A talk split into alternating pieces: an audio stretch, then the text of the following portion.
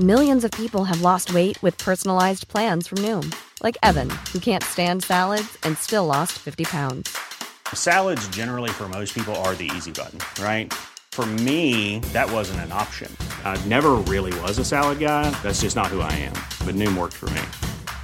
Get your personalized plan today at Noom.com. Real Noom user compensated to provide their story. In four weeks, the typical Noom user can expect to lose one to two pounds per week. Individual results may vary.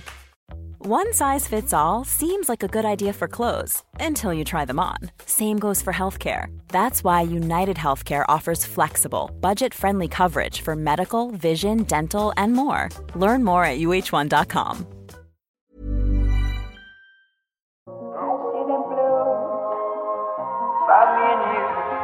And I think to myself, what a wonderful world. Det er vinterferie i Innlandet. Eh, og Øystein, du er på hytta, du. Vi har jo hatt litt sånn internett her nå, så vi, vi håper at det skal fungere. Jeg vet det er få ting som gjør deg Du er en ganske positiv fyr, ganske blid fyr, men dårlig internett, det, det tar knekken på det. Det er, det er ditt liksom kryptonitt. Ja, men det, altså, det er fordi at jeg, jeg har et sånt eierskap til det å prestere. Det har jeg sagt mange ganger. Jeg er ikke så, alltid så veldig opptatt av liksom, akkurat resultatet, men jeg er opptatt av å prestere. Og akkurat internett er en sånn variabel jeg ikke kan kontrollere. så, Jeg kan ikke noe om det heller. altså Det svever i lufta. Og jeg skjønner ikke Jeg har jobba nå hele dagen med å få lært meg å dele internett fra telefonen over til Mac-en. Logge på, og så første du sier er mm, Du hakker litt, pølsa. Du hakker litt. Du er en slow learner. Du er, hvis du har brukt hele dagen på å lære deg å dele indre fra bilen, da tenker jeg at du er en slow learner. Ja. det er konklusjonen. Det vil si at jeg er jo da en historieforteller òg, vet du. Og jeg vet jo at i en god historie så lønner det seg å smøre på litt. Så ikke hele dagen. Jeg, hadde, jeg spiste jo frokost, blant annet. Men etter det så har jeg brukt tiden min på det. Men veldig kort, altså, Apropos å være opptatt av å prestere og gjøre ting skikkelig, gjøre ting 100 vi, Folk tror nesten vi har glemt det, men vi har ikke glemt det. selvfølgelig har Vi ikke det. Vi har en konkurranse gående sammen med Roxy Sport og 100% som lager våre favorittsportsbriller. Eh, vanvittig bra. Solid, bra glass. altså sånn, som Bryter lyset, polarisert. Ting som jeg er opptatt av. God innfatning, sånn som du er opptatt av. Du sitter godt på huet og funker i fart. Eh, kombinasjonen er jo dødelig. Eh, vi gir ut et par briller vi, av de råeste sorten eh, til folk som ta, filmer noen som gjør noe 100% Det kan være om noen sitter og lærer seg å dele internett fra mobilen til Mac-en skikkelig. Det kan være hva som helst, så lenge de gjør det 100% Så må de tagge oss på Instagram at bare gode dager og at Roxysport, R-O-X-E-E-sport. Eh, sånn er det. Og nå må vi bare komme til det viktigste her. Vi har en hedersgjest på besøk. Eh, jeg, hun fortjener all verdens rause, rose, flotte introduksjoner. Hun er en av de tøffeste damene jeg har møtt. Jeg har jo faktisk møtt henne Øystein, på en sånn Mesternes mesterparty som jeg sneik meg med på. Madeleine, det er en ære å ha deg på besøk. Oi, det var mange hyggelige ord. Det her, det her blir en hyggelig kveld, merker jeg. Det håper jeg. Ja, det er jo litt sånn at vi er jo livredd. Eh, jeg har jo da fortalt den andre delen av redaksjonen, da, og eh, for øvrig og den svake delen av redaksjonen, at den sterke delen av redaksjonen ble altså mosa noe så inn i granskauen ned i, eh, i mattene under judo. Så det er jo derfor. Er, det, dette er frykt. Det er fryktpropaganda, og så hyller vi det. ikke sant? Så det, det er på sin plass. Ja, Vi hadde jo en liten fight der. Hvordan var det da, Øystein? Å kjenne litt på judo? Nei, altså, det var jo eh, altså, For de som ikke vet, da. Vi, vi ble stilt opp, skulle da liksom få teste Madeleines idrett. Eh, så det begynte med at vi skulle ta noen rolige kast, eller Madeleine skulle ta noen rolige kast på oss, så skulle vi lære oss fallteknikk. Um, jeg er jo da litt tunglært, så det var vel sånn Det var helt bob-bob. Jeg falt, gjorde jeg, men ikke spesielt grasiøst. Det var som en, altså var som en elefant som lista seg inn på en seng av potetgull. På det type nivået. Men så, så, fikk vi da lov til å um, slåss litt, eller ta Vet ikke hva det heter det slåss? Nei. Ja, vi sier slåss. Litt, ja, ja. Vi fikk, det var i hvert fall det det føltes som for meg. Og da, jeg fikk jo æren av først å stå og se på. Uh, Bjørn Einar, stakkar, han Det var ikke noe gøy. Det var jo som se Det var, det var liksom som å kaste litt kjøtt til løvene. Men så uh, var det jo da uh, hofferen. Og hofferen er liksom Han er jo svær. Altså, vi snakker om en fyr som bærer sandsekker eh, mer enn Aksel Lund Svindal. Og han sleit skikkelig. Tenkte åh, fy fader, det var greit. Da, det, da tar jeg vekk, da legger jeg vekk Snilløystein, så nå er det nede i game mode. Men det hjalp ikke, liksom. Altså, det var altså Du var så En ting var at du var så uh, kjapp, og sånn, men du var så sterk i klypa. Altså, du reiv meg liksom bare i sønder og sammen. Det var helt Ja, det var dritgøy.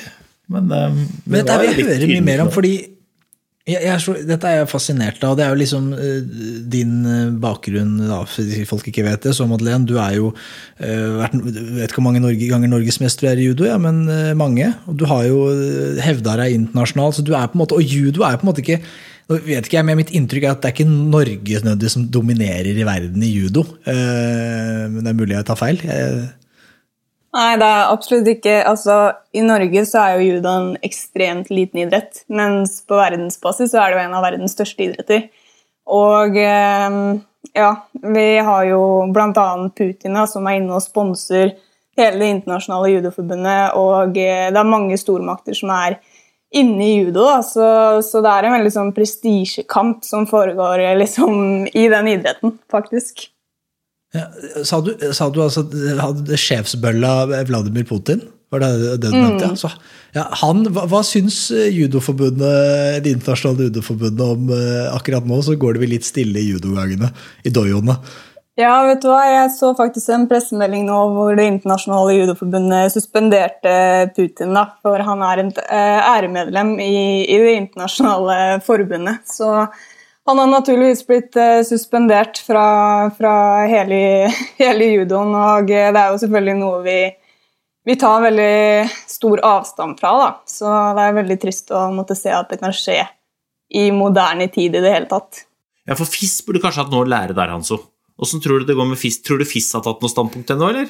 Nei, jeg tror ikke de De, har, eh, de venter nok noen år før de tar en Men vi, vi, kan, vi kan nesten ikke starte der. Jeg tror vi snakka litt om det før vi gikk på, for det er jo, det, det er jo helt uh, sinnssykt, det som skjer i verden. og bare eh, La det være liksom nevnt, da, at vi uh, syns det er vondt. Vi følger med Ukraina, vi, vi holder med Ukraina. Vi håper at uh, um, vi håper at det greiene løser seg. Og så håper jeg, jeg mistenker jo selv at Putin nå har, han har gått for langt. da. Og det, han, er, han er nå, Dette er starten på slutten for Vladimir Putin.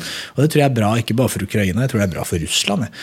Men, men jeg tenker vi behøver ikke å åpne den sekken. Det er nok andre podkaster som tar den, så vi kanskje prøver å holde det litt lystigere og være liksom et, et lite avbrekk da, fra, fra de overskriftene.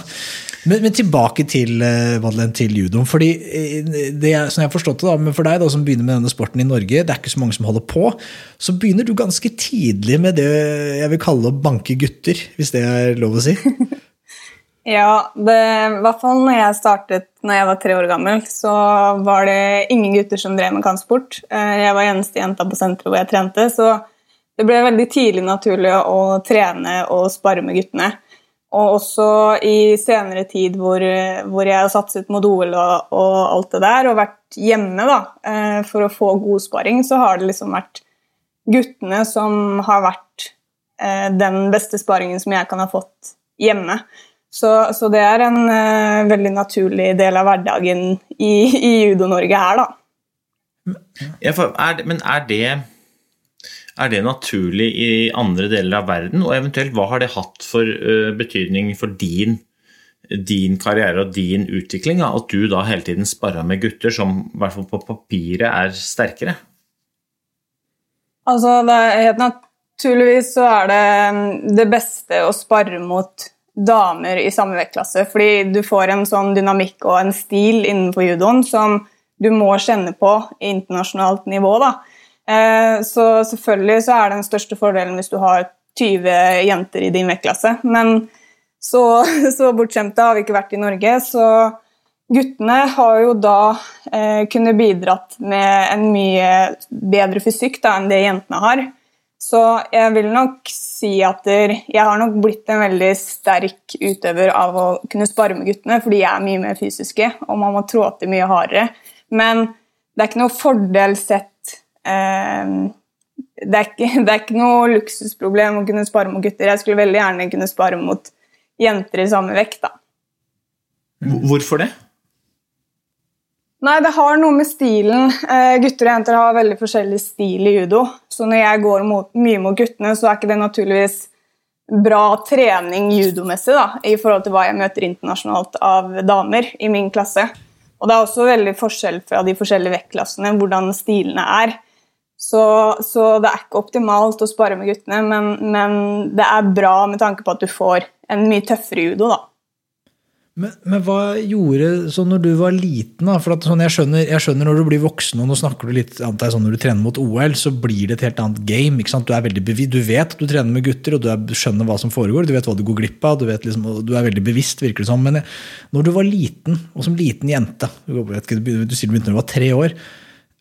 Hvordan to, opplevde du det som normalt å trene med gutter? Hva syns liksom, jentene i klassen om dette? Hva, hvordan, hvordan var det? Altså, jeg tror nok det var veldig naturlig for meg. Altså, jeg likte å slåss, jeg likte å være fysisk. Moren min prøvde å få meg med på turn, men det funka ikke i det hele tatt. Jeg var også innom dans, syntes ikke det var noe eh, actionfullt nok, så, så, da endte jeg på kampsport. Og som sagt så var det bare gutter der, så jeg tror ikke jeg tenkte veldig mye over det. Og jeg var jo også den eh, jenta i skolegården som slåss med alle gutta med kongen på haugen og alt mulig, så jeg har alltid vært liksom en del av gutta da, og, og likte å være fysisk og, og ta i et tak. Var det noen jenter som gadd å leke kongen på haugen med deg? Eller var det sånn Det var ikke Absolutt. så gøy? Absolutt ikke. Det var bare meg og, meg og guttene. Og det samme.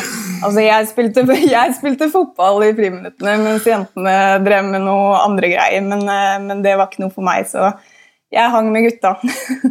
Hvor lenge varte det? Har det vært sånn liksom hele tiden at du stort sett har hatt guttevenner fordi du liksom av interesse, eller? Ja, det er et godt poeng. Jeg har faktisk ikke tenkt over det, men jeg har nok levela mer med guttene. Um, og alltid vært en del av eh, dem. Og så er det selvfølgelig det er hyggelig å være med jenter også, men man har kanskje litt andre interesser da, i denne alderen. Altså, Judo er jo veldig maskulint. Altså sånn, I stilen er det jo veldig maskulint. Men du er jo veldig feminin. Altså, du hadde jo på deg noen pynteting der som jeg tenkte sånn Det vet jeg ikke hva man får kjøpt. Uh, er, det, er, det, er, du liksom Er du den samme jenta i judohallen og utenfor? Eller endrer du helt karakter når du går inn? Mm, nei, jeg endrer nok eh, veldig karakter når jeg går inn i judo. Da er det ikke noe Da tenker jeg ikke på det feminine i det hele tatt. Da er det bare om å gjøre å prestere. Og alle jentene ser ut som uh, de har daua ute på den matta uansett når vi er ferdig med en trening, så, så det, det, er ikke så mye fokus på det. Men det er klart at da blir det ekstra stas å på en måte pynte seg opp og føle seg litt feminin utenom da, når man er eh, av matta. Mm. Ja. Mm. Nei, vi har jo vi har snakka en del på Her i høst så hadde vi en del sånne episoder om, om spiseforstyrrelser og sånn i idrett. Eh, og judo er unikt fordi at det er vektklasser. Jeg vet ikke helt hvordan det er på, på hvor, hvor, tette de er osv. Men jeg vet jo med andre venner jeg har som har drevet med MMA eller, eller bryting spesielt, og sånn, så har de et sånn eh, eh altså, jeg, altså, Spiseforstyrrelser er jo veldig sånn, det er når det er et problem, sant? men når du driver og bevisst kutter vekt, så er det på en måte altså, jeg, det, Dette her er jo litt som man snakker om hvor er den glidende overgangen. Jeg tror de eh, langrennsløperne som som, som har spiseforstyrrelser, jeg tror de også starter med at de skal kontrollere vekt. Da. Kutte vekt for å prestere bedre, og så kommer du ut av kontroll. Hva, hva er dine erfaringer med det der? Nei, det er jo klart at det, når du driver en vektidrett, så har man jo veldig mye fokus på vekt. Og man veier seg mye, og man er veldig bevisst på hva man eh, dytter inn i kroppen. Um, så man får et veldig sånn nært forhold til eh, akkurat det med vekt, og det er jo veldig tabu i veldig mange miljøer i judomiljøet så er vi veldig åpne om det, eh, fordi det er en så stor del av idretten. Eh, men jeg tror nok at man går rundt og tenker vekt veldig mye av den tida man går rundt og tenker. Eh, men samtidig da, så har du den vektklassen som gjør at du kan ikke veie for lite, for da må du egentlig ned en vektklasse, og du kan ikke veie for mye, for da skal du opp en vektklasse. Så det er jo på en måte en sånn fin altså, Du ligger jo innafor et sånn fint uh, område, da. Um, som kanskje er veldig positivt i forhold til det å få spiseforstyrrelser, og at det, at det går for lang tid, og at man plutselig veier noen kilo for lite enn det man egentlig bør. Og eh, jeg føler at kompetansen er veldig stor innafor eh, for eh, i hvert fall de kampidrettene som jeg kjenner til, hvor vi har ernæringsfysiologer som er inne og gir tips i forhold til kostholdsplaner, og vi tar DEXA-målinger for å se hva, kroppen, hva som er sunt for kroppen. Da. Så det er veldig mye fokus rundt det, men jeg føler også at det er et sunt fokus. da. Bare kort detalj, DEXA-måling, hva er det? Vi, er det fettprosentmåler? Ja, DEXA-måling, da tar du et bilde av kroppen hvor du ser på en måte fettprosent, beinbygning eh, og alt mulig. Og så er det en ekspert som sitter der og kan fortelle hva som kroppen tåler å veie, og, og du får litt info i forhold til beinbygning og beinskjørhet og eh, fettprosent og, og, alt mulig sånn, da.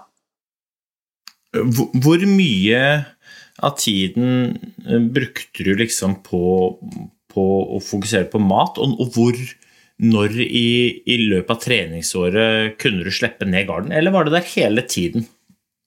Um, I judo så er det ekstremt mange konkurranser gjennom hele året. Uh, vi har sesong fra januar til desember, så man må på en måte finne en vekt uh, som man er komfortabel med, og som kroppen tåler å, å ligge over i en lang periode da, uten å bli syk og skada.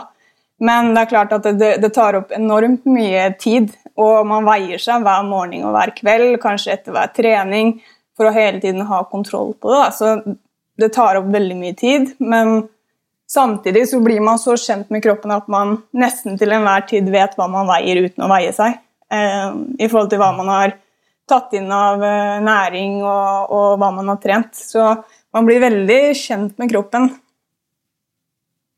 hva vil du si er den største styrken da, med et sånn type system i forhold til å forebygge mot spiseforstyrrelser? Vi vet jo at det er spesielt innenfor utholdenhetsidrett, hvor det ikke da er vektgrenser, så er spiseforstyrrelser eh, et gigantisk problem. Eh, noen hevder at det er et lite problem, men det siste, denne høsten har vi avdekket at det problemet er større enn eh, enn de fleste liker å innrømme. Men, men hva, hva, vil du si er de sterkeste sidene ved et sånt type system, og eventuelt hva, hva er nedsiden? Jeg tror nok det at um, Litt av det positive som jeg var inne på i stad, er at du har den vektbåsen som du må være innafor, i forhold til at hvis du, hvis du, veier for lite, så må man vurdere å gå ned en klasse. Um, og eh, det vil man ofte ikke, da, fordi da er veien ned ganske lang. Så man har veldig kontroll på hva man skal, eh, hva man skal veie. Og jeg tror også det er positivt å ha et så åpent forhold til det, da, hvor man kan snakke fritt om det uten at det, det er tabubelagt, for det vet jeg at det er veldig mange steder. Mens i judo så har man en veldig åpen dialog med trenere, støtteapparat, fysioer, eh, seg selv, og så har man et ærlig forhold om hva man spiser, hva man putter i seg, og eh, hva man veier. Og det er helt naturlig. Men jeg er så nysgjerrig på Eh, fordi jeg, jeg har en eh, kompis som eh, driver, eller har drevet med MMA, og jeg husker mm. Det som var så ekstremt der, da, var at når du sier at det er positivt at de vet hva de skal veie, og så går de rundt på den vekta Men han gikk jeg tror han gikk i 88-kilosklassen, eller sånn, og så gikk han rundt på 100, altså nesten 110 mm. kilo. Mm. Han gikk ikke i kamp så ofte, det var jo ikke hver helg. Men inn mot kamp så kutta han liksom ganske mye på, på altså Først skulle han kutte med fett, eller altså han skulle bli helt liksom rippa. Men så gikk han ned sånn 10-15 kilo dagen før ved å bare ligge i et mm. varmt badekar og ta væsketap. Og da blir han og da, og da helt dehydrert når han går og veier seg, og så starter jobben. For da skal han begynne å salt og vann og helt riktig ratio for å mm. bli For da, da er det om å være tyngst mulig til dagen etterpå igjen, hvor det da går match. da. Så når er det disse innveiingene her? Er det, er det, gjør man det i judo òg?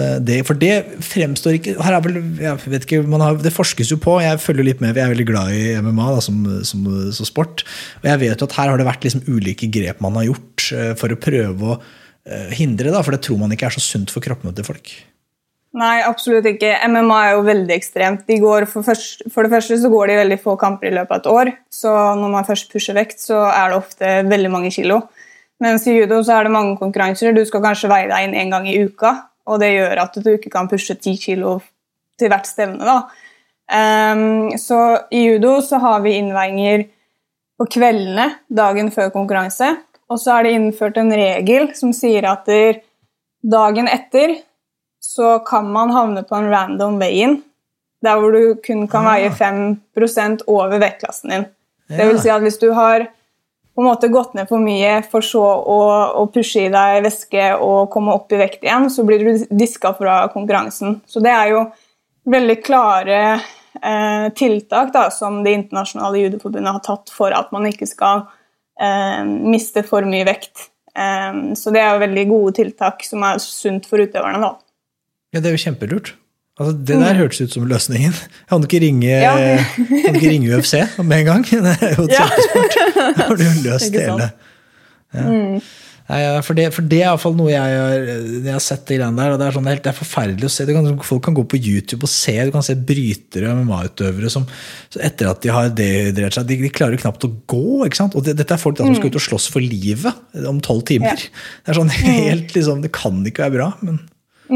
Og så har vi jo veldig sånne klare tips da, i forhold til at der, vi tar jo først ofte litt eh, inntak eh, med diett noen uker før. Eh, eller at man holder en grei og jevn eh, vekt. Og så tar vi jo de siste kiloene på væske da, eh, samme dag som innveiing. Og da har vi også en regel som sier at du, eh, du skal erstatte væsketapet med 150% så fort etter at du har innveid som mulig, da, for at kroppen skal komme i balanse igjen. Så vi har på en måte veldig mange eh, ja, retningslinjer, eller, eller råd og tips da, som, som er eh, sunne. Så, så vi har veldig klare rammer på, på hvordan vi skal opptre når vi skal opp og ned i vekt. Er da, er da, eh, eh, er da spiseforstyrrelser egentlig et ikke-problem i, i judo, i og med at disse reglene er sånn, eller er det, er det, er det finnes det utøvere der ute som går i feil klasse, og som på en måte nesten tvinges til en spiseforstyrrelse? Eh, Jeg opplever i hvert fall internasjonalt, eh, for det er der det er mest ekstremt, at eh, folk har veldig grei kontroll. Og så er det noen som pusher ned til noen lavere vektklasser, men da er de såpass bevisst på det at de, gjør, de, de minker konkurransene, sånn at man skal droppe å, å droppe vekt så mange ganger i løpet av året. Og så tror jeg egentlig at mange er eh, de er veldig strenge med seg selv når de skal ned i vekt, og så er de glad i å kose seg når de er litt off-season. da. Så jeg føler at eh, alle utøverne har veldig god kontroll på det. Men det finnes sikkert eh, unntak og, og eksempler som, som også ja, hvor folk får spiseforstyrrelser. da. Jeg syns det her høres ut som en veldig altså, Du sier stadig litt der, jeg, jeg, jeg tror på dette, at fordi det er så definerte vektklasser, så er ikke insentivet der for å skulle drive og spiseforstyrre seg ut av form.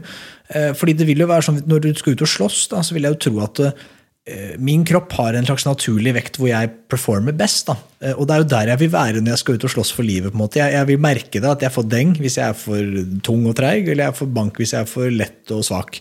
Og jeg har et eller annet sted hvor kroppen min er, fungerer best.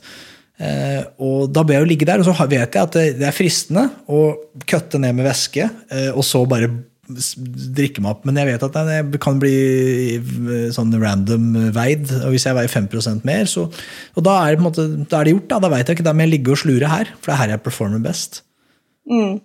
Det, det jeg tror også er et stort problem, da, eller kanskje ikke stort, eh, i hvert fall ikke som jeg opplever i judomiljøet, men nå snakker jo jeg på et veldig høyt nivå, der hvor man har et støtteapparat rundt seg, og det er elitenivå i verden eh, som har oppskrifter da, på hvordan man skal behandle det her med vekt og kost. Men jeg tror nok kanskje at man ser mer problemer eh, kanskje hos yngre utøvere som ikke helt har den erfaringa, og kanskje har de personene som, som har vært med i det sirkuset her lenge nok. Da. Så jeg tror nok at det er nok det største problemet. Å få de unge utøverne som ikke er på så høyt nivå, til å skjønne hva vi gjør. Da. Fordi det er mange som ser opp til oss og, det, og, og vet ikke helt hva, alt hva som ligger bak det. da.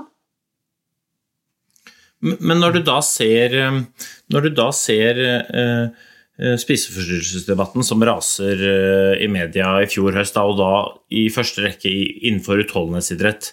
Hva tenker du da, som judoutøver og som og jente sjøl, og, og, som har drevet med idrett på, på, høyt nivå, hva tenker du kan være løsningen? Hva, hva, hva er det den, den debatten, eller hva er det det problemet mangler av løsning? Det er jo et godt spørsmål, eh, men jeg tror nok det at man må belyse det mer eh, og prøve å gjøre at det ikke er så tabubelagt. Eh, at man tør å snakke om det og også på en måte tilbyr den informasjonen som vi eliteutøvere har sittet på, men også gi den til, til bredden. da. Mm. Hvor, hvor, bevisst er du det selv? da? For du har jo på en måte, Nå er jo du en person som folk ser opp til. og er det sånn at du, eller Føler du et ansvar når du ser sånn som den debatten der? Tenker du sånn at jeg må passe på at jeg er et godt forbilde til For det er jo klart det er jo veldig fysisk eh, altså Judo også er det veldig fysisk. Det er jo fysikk, og du er jo en veltrent dame, liksom. Er det, er, føler du et ansvar for det? Ja, naturligvis gjør man jo det. Um, men, um, men det er på en måte vanskelig å kanskje nå fram. Eh, det er flere ganger jeg på en måte har tatt praten med unge utøvere og forklart dem hva ting innebærer, men det er veldig ofte at de ikke helt vil ta inn den informasjonen. Og, mm, og det er jo litt vanskelig, da, hvordan man skal nå, nå ut til eh, de som trenger det, på en måte. Her sitter vi og slurper i oss Coop kaffe fordi vi vil ha en god samtale. Det er bare sånn det er. Eh, jeg tror ikke vi skal male noe mer merre. Kom dere ut i en eh, Coop-butikk nær deg. Eh, sjekk ut repertoaret av god kaffe som Coop har å by på, da vel.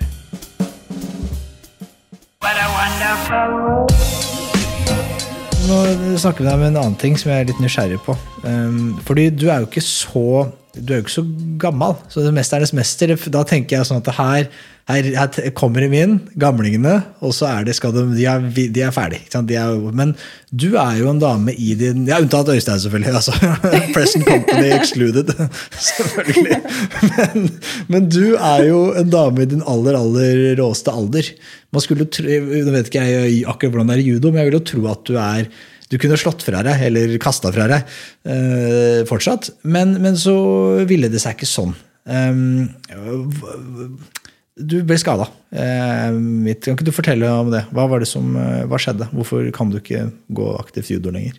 Hører dere den lyden veldig godt? Nei, vi hører den ikke. Nå er det en katt som Kan jeg bare ta den katten? Ja, ja, ta katten. Jeg er glad jeg ikke er den. sånn. Jeg er veldig glad jeg ikke er den katten. Ja. Nei, jeg, det jeg spurte om før eh, katten begynte å yppe, eh, det var eh, hva som skjedde, siden du, du, er jo ikke lenger aktiv, og du er en dame i din beste alder. Så hva var det som foregikk? Nei, altså Judo er jo en veldig brutal idrett. da. Det er ekstremt mye skader og slitasjer på kroppen. Så jeg tror nok ikke jeg er veldig gammel i judosammenheng, sånn i forhold til å legge opp man kunne kanskje pusha det i tre år til, men da tror jeg også at kroppen hadde vært rimelig ødelagt etterpå. Så det var også en vurdering i det, da. Men eh, for min del så fikk jeg noen problemer med skuldrene som jeg måtte operere. Og så Ja. Det var jo midt i OL-kvaliken til 2020, eh, og det var jo egentlig meninga å pushe den skulderen til OL var ferdig, men så kom jo covid, da, og så ble det utsatt et år. Og da hadde jeg dessverre ikke noe valg. Så da, da var det enden på den drømmen der. Ja, hvordan eh, hvordan takla du det? Um, akkurat det var litt tungt, fordi at tidligere i karrieren så har man jo også hatt en del skader um, som man liksom har uh, lagt ned en jobb da, for å komme tilbake. Uh, men her var det liksom enden på visa. Eh, man rakk ikke OL uansett hvordan man vridde og vendte på det. Eh, så det var jo veldig tøft sånn sett. Eh, men sånn generelt, da, med skader, så tror jeg at det har gjort meg veldig godt og på en måte fått en litt sånn skadeperiode hvor man får muligheten til å roe litt ned og få tenkt litt og gått gjennom målene og alt mulig. Da, da får du virkelig testa om målene er riktig, og eh, om man har lyst til å legge ned den jobben for å komme tilbake igjen. Så sånn generelt så føler jeg at det, har egentlig vært en positiv ting, da. Hvordan, jeg er bare så interessert i å høre eh, hvordan du takler den utfordringa. En ting er liksom når du får skader underveis og du kan komme deg igjen, da, men når du, du får en, en, skade som blir så definerende at du skjønner at det er karrierestopp, eh, det er jo en helt annen type utfordring. Hvordan, hvordan, hvordan angrep du den? Uh, nei, det tok jo litt tid, da. Uh, man driver jo og vrir og vender på alt for å se om, om det er en mulighet til å fortsatt nå målet. Men uh, når man skjønner at det ikke er det, så, så, må man jo begynne å sette seg ned og evaluere litt hvordan karrieren har vært, om man er fornøyd, eller om man da på en måte skal la OL 2021 da, gå fra seg og så satse tre år til. Så vi gjorde en vurdering på det, men fant ut at eh, vi legger opp. Og da er det jo på en måte å sette seg ned og definere nye mål da, og, og, se hvordan hverdagen blir da. Du sier 'vi' hele tiden. Mm, men ja. dette er jo en individuell idrett. Ja. Nei, det er jo Vi har jo vært et lag hele veien, så vi har alltid vært veldig um, bevisst på at der, eh, Eller det er meg og min trener Bård da, eh, som har vært med veldig close hele veien. Og eh, jeg ser alltid på de avgjørelsene og de valgene vi har tatt, at det er ting vi har gjort sammen. da. Så derfor vi. ja. ja. Hvordan er det, den, det forholdet der? Altså sånn, for er det én trener som er designert deg, eller er, det, eller er, det, et lag med flere utøvere som han trener? eller Hvordan er det det henger sammen? Nei, vi var jo en gruppe på landslaget før. Eh, men så var det bare jeg som på en måte holdt det internasjonale nivået. Og da var det en periode hvor vi ikke hadde landslagstrener. Og da ble han engasjert som min private landslagstrener eh, av forbundet. Så da var det han som fulgte meg eh, rundt på reise. Så det var på en måte bare jeg som hadde det nivået og reiste rundt for Norge i den perioden hvor jeg satsa. Ja. Men dette, dette, dette, med motgang jeg, jeg, er jo den oppfatning at, eh, at um, alle burde drive med kampsport som unge. Og det jeg eh, mener med det, det er at kampsport det ydmyker en på en veldig sunn måte. Fordi man lærer seg til at det å tape, det er helt greit. Og det er helt normalt. Da. Man taper iblant i livet, men det er hvordan man håndterer det tapet, som sier noe om hvordan du er som person, og hva, hva du er bygget av. Og det er også en av de få tingene i livet tror jeg, hvor man kan eller I kampsport så er det veldig lett å se at hvis jeg øver på noe, og jeg trener, så kan hun som banka meg i går, hun kan jeg om et mm. år klare å, å, å, tukte, eller i hvert fall hevde meg mot. Fordi jeg har øvd og fordi jeg har trent. Det er veldig sånn du kan mm. telle, Mens, mens i andre steder av livet så er det ikke så én til én. Du klarer ikke å se det, men den samme egenskapen den kan du applisere på alt. Om det er å mm. drive med altså, Det bør ikke være bare idrett, det kan være på jobb, det kan være i familien. Bli god til å bli bedre far eller mor osv. Men i kampsport så er det så du, du, ser det. så Det er så rett foran øya på deg. Kjenner du, det, kjenner ja, du til det? Ja, altså det første vi lærer på en judotrening, det er jo å reise seg opp igjen etter at man har blitt kasta. Mm. Så det er på en måte, der har du utgangspunktet, da. Eh, og det er helt riktig som du sier, at man lærer seg å takle motgang. Fordi eh, det, det er som du sier, da, det er ganske brutalt å, å kjenne på at Oi, her er jeg underlegen, og her får jeg bank. Mm. men, men, samtidig så tror jeg også at det, skal veldig lite til da, av trening og dedikasjon for at man liksom kan hevde seg. Og, og det tror jeg er veldig fint for, for folk å, å, kjenne på. Men sånn som nå, da, i, i, hverdagen nå som du har gitt deg, og hvis du da treffer eh, Når du treffer hindringer, treffer eh, motgang, for, for, det gjør jo alle sammen. Eh, hvordan bruk, bruker du bakgrunnen din noe da? Um, i hvordan du løser og håndterer utfordringa, eller er det helt andre mekanismer som, som er i spill nå, du, om det er på jobb eller om det er med kattene dine som du må ta kvelertak på i løpet av en podkastepisode, eller eh, det ene eller andre? Eh, Jeg tror nok det er mye av det samme man tar med seg. Det blir jo på en måte en litt sånn livsstil, da, eh, det toppidrettslivet. Og det blir jo en måte man lever på. Og man, man kommer jo innom veldig mange metoder, og jeg tenker litt sånn at eh, etter at jeg ga meg også, så handler det om å finne nye mål da, som man har lyst til å brenne for og lyst til å oppnå. Og det å på en måte eh, ba, ba, Bare det å finne et mål da, er jo mange som sliter med. Men det, det har man jo så klart fra idretten, og også hvordan da man kan oppnå de målene. Og, og på en måte legge delmål, kjøre evalueringer underveis. Så jeg vil nok eh, si at man tar med seg ekstremt mye fra idretten inn, i, inn i det private livet etterpå. Ja, du, sier noe, du sier at det kommer inn mange, mange metoder eller sånn innfallsvinkler eller strategier for å løse hindringene. Kan du, ikke, kan du ikke dele noen av de, eller en av de? Da? Liksom at jeg tror det er veldig mange som, som møter hindringer, og så øh, opplever jeg at vi som samfunn vi er flinkere til å se problemer, eller nesten til og med lete etter de, enn vi er til å løse de. Altså, vi er flinke til å så Å nei, det blir sånn, uff, nei, da blir det uff. Eller liksom, vi finner problemene. Um, Mens i judo så er dere ikke så nødvendig Kanskje, jeg vet ikke, men eh, jeg antar at dere er mer opptatt av å løse utfordringene enn å finne de. Kan du ikke dele litt av hvordan dere på en måte jobba med det, da, og hvordan du tenker i dag da, når du møter hindringer? Mm. Uh, ja, det er jo en kul utfordring, det. Uh, det, sånn, det går jo veldig på automatikk, da. Så det å forklare det med ord er jo faktisk eh, Det har jeg aldri gjort før. Men, men jeg tenker jo det at uh, det, det er som du sier, da. Jeg tror veldig mange blir begrensa av at de ser problemer. Eh, og det er veldig lett å havne inn i det sporet. da, At nei, det er ikke vits at jeg setter meg det målet, eller det er ikke vits at jeg prøver på det. for at det, det og det blir problemet. Eh, men samtidig så erfarer jeg i hvert fall da, at det, man tar ikke problemene før de dukker opp. Eh, og da må man liksom løse det når man står oppi det. Eh, men jeg har nok vært veldig sånn Nei, det kan jeg ikke gjøre, fordi at det, det og det blir et problem. Og så ser man for seg masse scenarioer.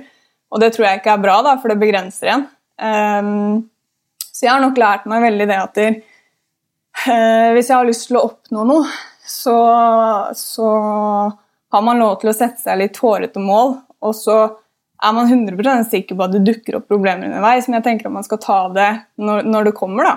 Og så får man heller uh, brøyte vei underveis.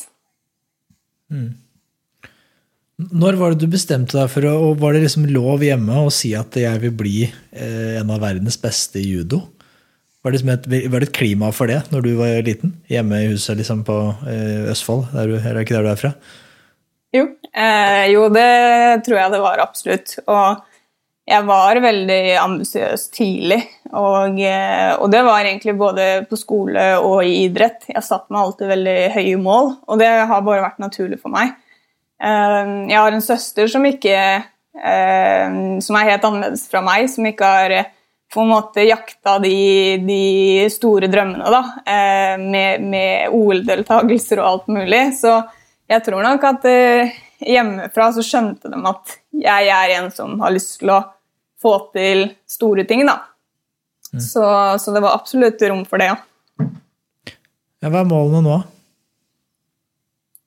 Ja, det er litt uh, interessant at du spør om, faktisk. Fordi jeg føler at mens jeg var aktiv, så hadde jeg veldig høyt pace. Jeg, eh, jeg eh, satsa mot OL. Jeg tok to utdannelser i maskiningeniør og økonomi. Jeg kjøpte hus og investerte i eiendom med utleieenheter og alt mulig. Så jeg har hatt veldig høyt tempo. da. Og etter at jeg la opp, så har jeg på en måte trengt å roe litt ned. Så i et års tid nå så har jeg faktisk ikke på en måte satt meg noen veldig klare mål, men egentlig litt bevisst for å bare kjenne på litt hvordan hverdagen og den A4-hverdagen er. da. Og jeg tror det har vært veldig sunt for meg, fordi da har man på en måte fått roa ned, tenkt seg litt om, og så er man på en måte klar for å sette nye mål. da. Men hvordan er Så- den A4-hverdagen? Nei, det er, å, det er litt det hamsterhjulet da, som Øystein liker å trekke fram. Jo, men Trives Eh, du med det? Altså, hva, hva syns du om det? Jeg trives med det i en viss periode, og så skjønner man at det kanskje kan bli litt destruktivt, i hvert fall for min del, etter hvert. Men det var veldig deilig å gjøre det i en periode. Men så ser man at det, ok, her vil man ikke bli værende, da. Eller i hvert fall, jeg vil ikke bli værende der, så da er det litt godt å bryte ut av det og kanskje finne seg noen nye mål og, og, og prøve å nå de. Eh, Er, er, det, er det destruktivt i betydningen um, mangel på utfordringer? Eller er det destruktivt i betydningen mangel på uh, på en måte retning? Uh, fordi at jeg opplever at det er veldig mange som har mange utfordringer, uh, har en egen evne til å klage over at det er mange utfordringer. Mens de som ikke har noen utfordringer, de har en egen evne til å klage over at de kjeder seg og savner disse utfordringene. Eh, Hvor i, hvor i sfæren befinner du deg nå? Siden du sa det var destruktivt. Nei, jeg tenker litt det at man har ikke noen retning. Man, man blir spinnende i, det, i den samme hverdagen hele veien, da, uten at man på en måte kommer noen vei. Og um, det å tørre å slippe det momentet etter at jeg la opp, det var litt skremmende. Eh, men så fant jeg ut at ok, jeg kan bruke det til noe godt. Um, og så tror jeg det at hvis man nå setter seg nye mål, så vil man få mer retning. Og da kommer også utfordringene eh, på rekke og rad. Da. Så, så jeg tror nok for min del at det er den retningen. At, der, at man blir værende da, i, i samme hverdag. Eh, og i og med at eh, jeg hører mellom linjene at du på en måte ikke har bestemt deg for eh, noe konkret mål. Det kan være vanskelig å bestemme seg for et konkret mål også, da, men eh, hvilken retning er det du har lyst til å gå? Altså, hva er det du har lyst til å bringe til bordet? Hva er det Madeleine er best på, og som du har lyst til å bruke tid og energi og ressurser på? Mm, det er litt det da, som man må definere og finne ut av. Og jeg føler det er litt der hvor jeg står ved et veiskille, hvor jeg må velge litt eh, hva jeg skal eh, satse på, og hva jeg har lyst til å bruke tid på. Og eh, jeg er veldig sånn, jeg syns alt er spennende, så jeg skulle gjerne hevet meg på alt, og det er ikke nødvendigvis at det, det går an å kombinere, men, men eh, jeg tror nok jeg er i en sånn fase hvor jeg trenger å finne ut av det litt selv, da. Så, så jeg går nå i disse dager og grubler litt selv, faktisk. Ser du på den Ser du på den Ser du på den utfordringen som en mulighet til å finne svaret, eller ser du på den muligheten som en sånn et hinder til å finne svaret? Mm, jeg synes, mm, i hvert fall nå når jeg har gitt det litt tid, så føler jeg at det gir meg muligheten til å finne svarene. Eh, eh, jeg følte i starten, når man har flere valg, så føler jeg at det- det er mer at man hindrer seg selv da, i, å, i å ta valg. Og jeg har virkelig brukt tid på å finne ut hva jeg vil, og det er som jeg sier, jeg vet jo fortsatt ikke helt 100% hva jeg vil. Eh, og da ser jeg det på en måte som en hindring, men når man gir det litt tid og får tenkt litt og brukt litt tid, så føler jeg at det, det egentlig gir muligheter, og, og man tar et godt valg til slutt. da. Er ikke det her liksom Er vi ikke litt inne på kjernen i forhold til at eh, jeg, jeg er jo ganske sikker på at veldig mange er innom denne type eh, fase gjennom et, eh, et liv, og så er det jo veldig lett at denne type fase på en måte blir litt sånn, som du sier, destruktiv, og så blir den da hvis man da har denne styggen på ryggen, eller man ikke klarer å bryte ned utfordringen og klarer å få tak i mekanismene som faktisk skal løse utfordringen, så blir det en slags sånn derre eh, selvdestruktiv spiral, en sånn selvprofeti. Da. Det, på en måte man, nei, det, nei det, er, det er ikke typisk for meg. Tror du, hadde, øh, tror du det kommer sterkere forberedt til denne utfordringen fordi at du drevet med judo eller drevet med idrett og er vant til disse tingene, eller, eh, eller er det andre ting, tror du? Nei, jeg tror nok det at det, hjelper meg veldig, det verktøyet jeg tar med meg fra idretten. Eh, Men jeg tror også det handler om å være bevisst. fordi at jeg føler at jeg veldig enkelt kunne bli værende i den spiralen. Da. Så det handler jo om at man, man må ta et tak, og man må ta noen valg, og kanskje det er litt ubehagelig til tider, å liksom pushe seg selv litt også. Um, så, så, nei, jeg tror nok at eh, idretten hjelper meg der. For jeg merker at man fort kan bli støkt. Jeg tenker at um, Du sa noe som var veldig smart der. Da, for det, er, sånn, det er, er, jo litt ubehagelig. Det er jo eh, det å um, stå overfor en utfordring, det å prøve å finne en retning, det å prøve også, om det er å redefinere seg selv, eller bare finne seg selv, eller så skape en helt ny eh, hverdag eller struktur. Altså, disse tingene er jo noe som både koster og er litt sånn smertefulle. Men eh, slik jeg ser det, i hvert fall, så har man jo valget mellom å gjøre det og ta den smerten for så å på en måte få gevinsten av å stake ut en ny kurs, eller på daglig gå rundt og svelge disse små kamelene. Og den smerten varer jo evig. Det å være utilpass det er jo egentlig en gave, fordi at da kjenner du jo på kroppen at dette er feil. Det er den dagen man er likegyldig til at man aksepterer det derre ja, men jeg, dette trives jeg. Så til slutt så bare begynner man å akseptere at man ikke trives med å bli likegyldig til det. Det er jo jævlig mye skumlere. Jeg opplever jo mm. folk som um, litt ulike um, sfærer. Uh, jeg treffer gjennom både her og der. Uh, og da treffer jeg noen ganger folk som har blitt likegyldige, som har bare gitt opp, og som på en måte bare har akseptert at ikke de fikk det til. Og det, altså Det um, jeg, jeg, håper folk hører det du sier, og, og liksom anerkjenner at det å ta det der retningsskiftet, eller å sette seg et nytt mål eller det, det smerter litt, og det koster litt, men det er jo verdt det. For Hvis ikke så blir det den derre likegyldigheten. Da blir det det hamsterhjulet som, som, går, og man bare eh, kaster vekk tiden. Og, ja, du vet, jeg pleier å si det at um, eh, veien blir til hvis man går, ikke mens man går. For de fleste som sier mens, de er ikke på vei noe sted. De sitter i det der hamsterhjulet og sutrer. Mm, jeg er helt enig. Er det ikke med risiko her òg? Sånn, øh, sånn, det er kanskje litt Jeg kan se for meg at det er annerledes hvis du hadde vært i en situasjon hvor man eh, hadde, Kanskje man har noen barn, og så har man en familie, og så har man et huslån. Og så har du, liksom, har du hamsterhjulet, men hamsterhjulet er negativt på et vis, men det finansierer nå en gang det livet du, du har bygget deg. da. Eh, og, og, det, og, det, kan jeg se for meg eh, For nå er vi inne i noe som er, er veldig interessant. Da, så jeg tror veldig veldig mange kan kjenne seg igjen i. Altså, det er akkurat det du beskriver der, men jeg tror ikke de er på det stedet du er. da. Du sitter jo og er bevisst, du sitter og gleder deg, for du skal mm. lete etter mål. og du, du, har på en måte knukket koden.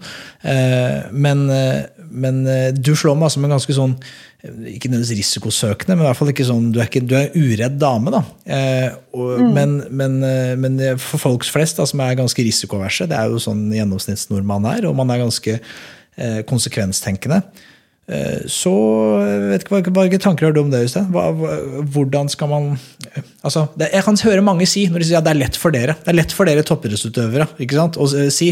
Men for meg, som sitter her i min eh, normale 8-4-jobb med tre unger og et huslån eh, og en rente som nå er i ferd med å løpe løpsk Jeg kan jo ikke bare si at nå har jeg lyst til å bli strikke. Bli Norges beste på å strikke. Det, det, sånn funker ikke. Nei, men jeg tenker jo at uh, kanskje man skal begynne med å definere hvordan man bruker tid. Uh, ta tak i de tingene man kan ta tak i. Ok, Det er en haug av rammer vi må forholde oss til, om det er familie, om det er jobb eller om det er det ene eller andre. Og, og disse tingene må være der. og jeg, jeg, er ikke noe forkjemper for at folk skal bare hoppe av og begynne å gå til Sydpolen, uh, selv om folk drømmer om det. men jeg er for at folk setter seg ned og så har, ser på hvordan de bruker tiden og setter tidsbruken opp imot det de mener selv er det viktigste her i livet. Det er det ene. Det andre er at man setter seg og har denne praten internt også, slik at man klarer å få en forventningsstyring innenfor husets fire vegger, slik at alle sammen vet hva alle sammen har behov for å få til. Det var litt som vi snakka med Anja sist òg. Det å skape den der forutsigbarheten rundt hva er det folk trenger her inne, slik at vi faktisk da kan begynne å spille hverandre gode fordi vi vet hva vi trenger, og òg få rom til å spille seg sjæl god. Da. For da tror jeg det blir mye lettere å finne en mening i en hverdag som er styrt av rammer, om det er jobben eller om det er det ene eller andre. For da, da har du kontroll over noe. Og det noe, det er det som betyr aller mest for deg, eh, istedenfor at det er motsatt. Mm. For da blir det fort at det eneste som er eh, er på en måte fast, er de tingene som du kanskje ikke liker. Jobben eller eh, huslånet eller Det er konstanten. Alt det andre er bare at du bare løper rundt i, i sirkel etter egen halle.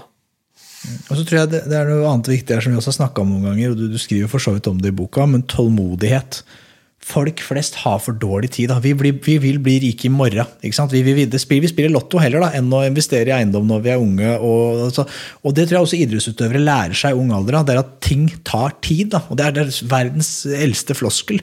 Men, men, du sa det, hvis man sitter og man en, er i hjulet, så må man tenke at eh, det er ikke sånn at jeg er i morgen kan bare begynne å bli Norges beste mester i strikking eller bli stor innenfor strikking. Men du kan begynne gradvis. Kanskje du må lage, starte med å lage en Instagram-profil og invitere vennene dine til å følge med. Du begynner å strikke litt hver kveld, for det har du tid til. Kanskje du strikker fast starte en gang i uka, så blir det to ganger i uka. Og sakte, men sikkert så begynner det kanskje å bli en greie. da, Så kan du begynne å selge noen oppskrifter. Oi, det kommer plutselig en inntektsstrøm derfra.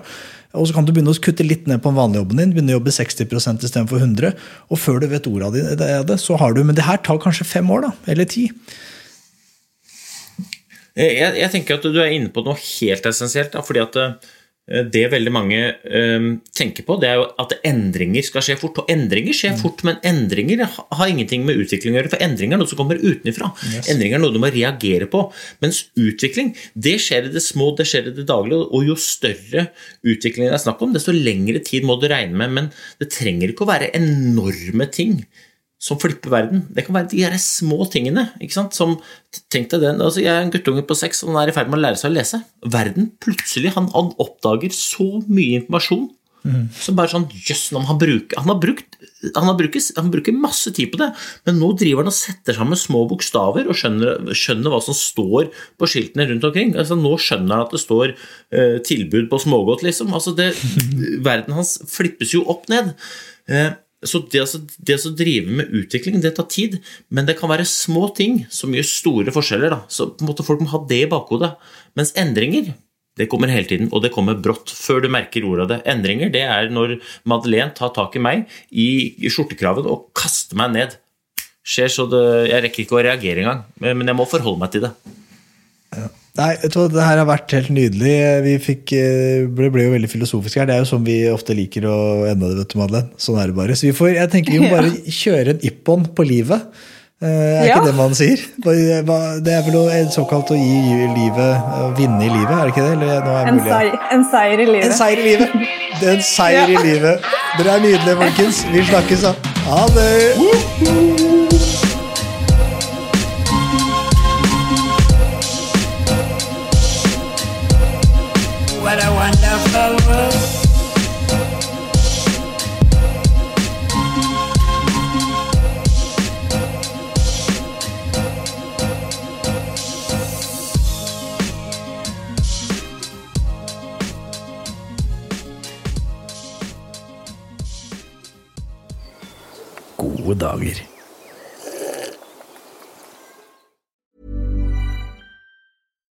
We're on a budget, we still deserve nice things.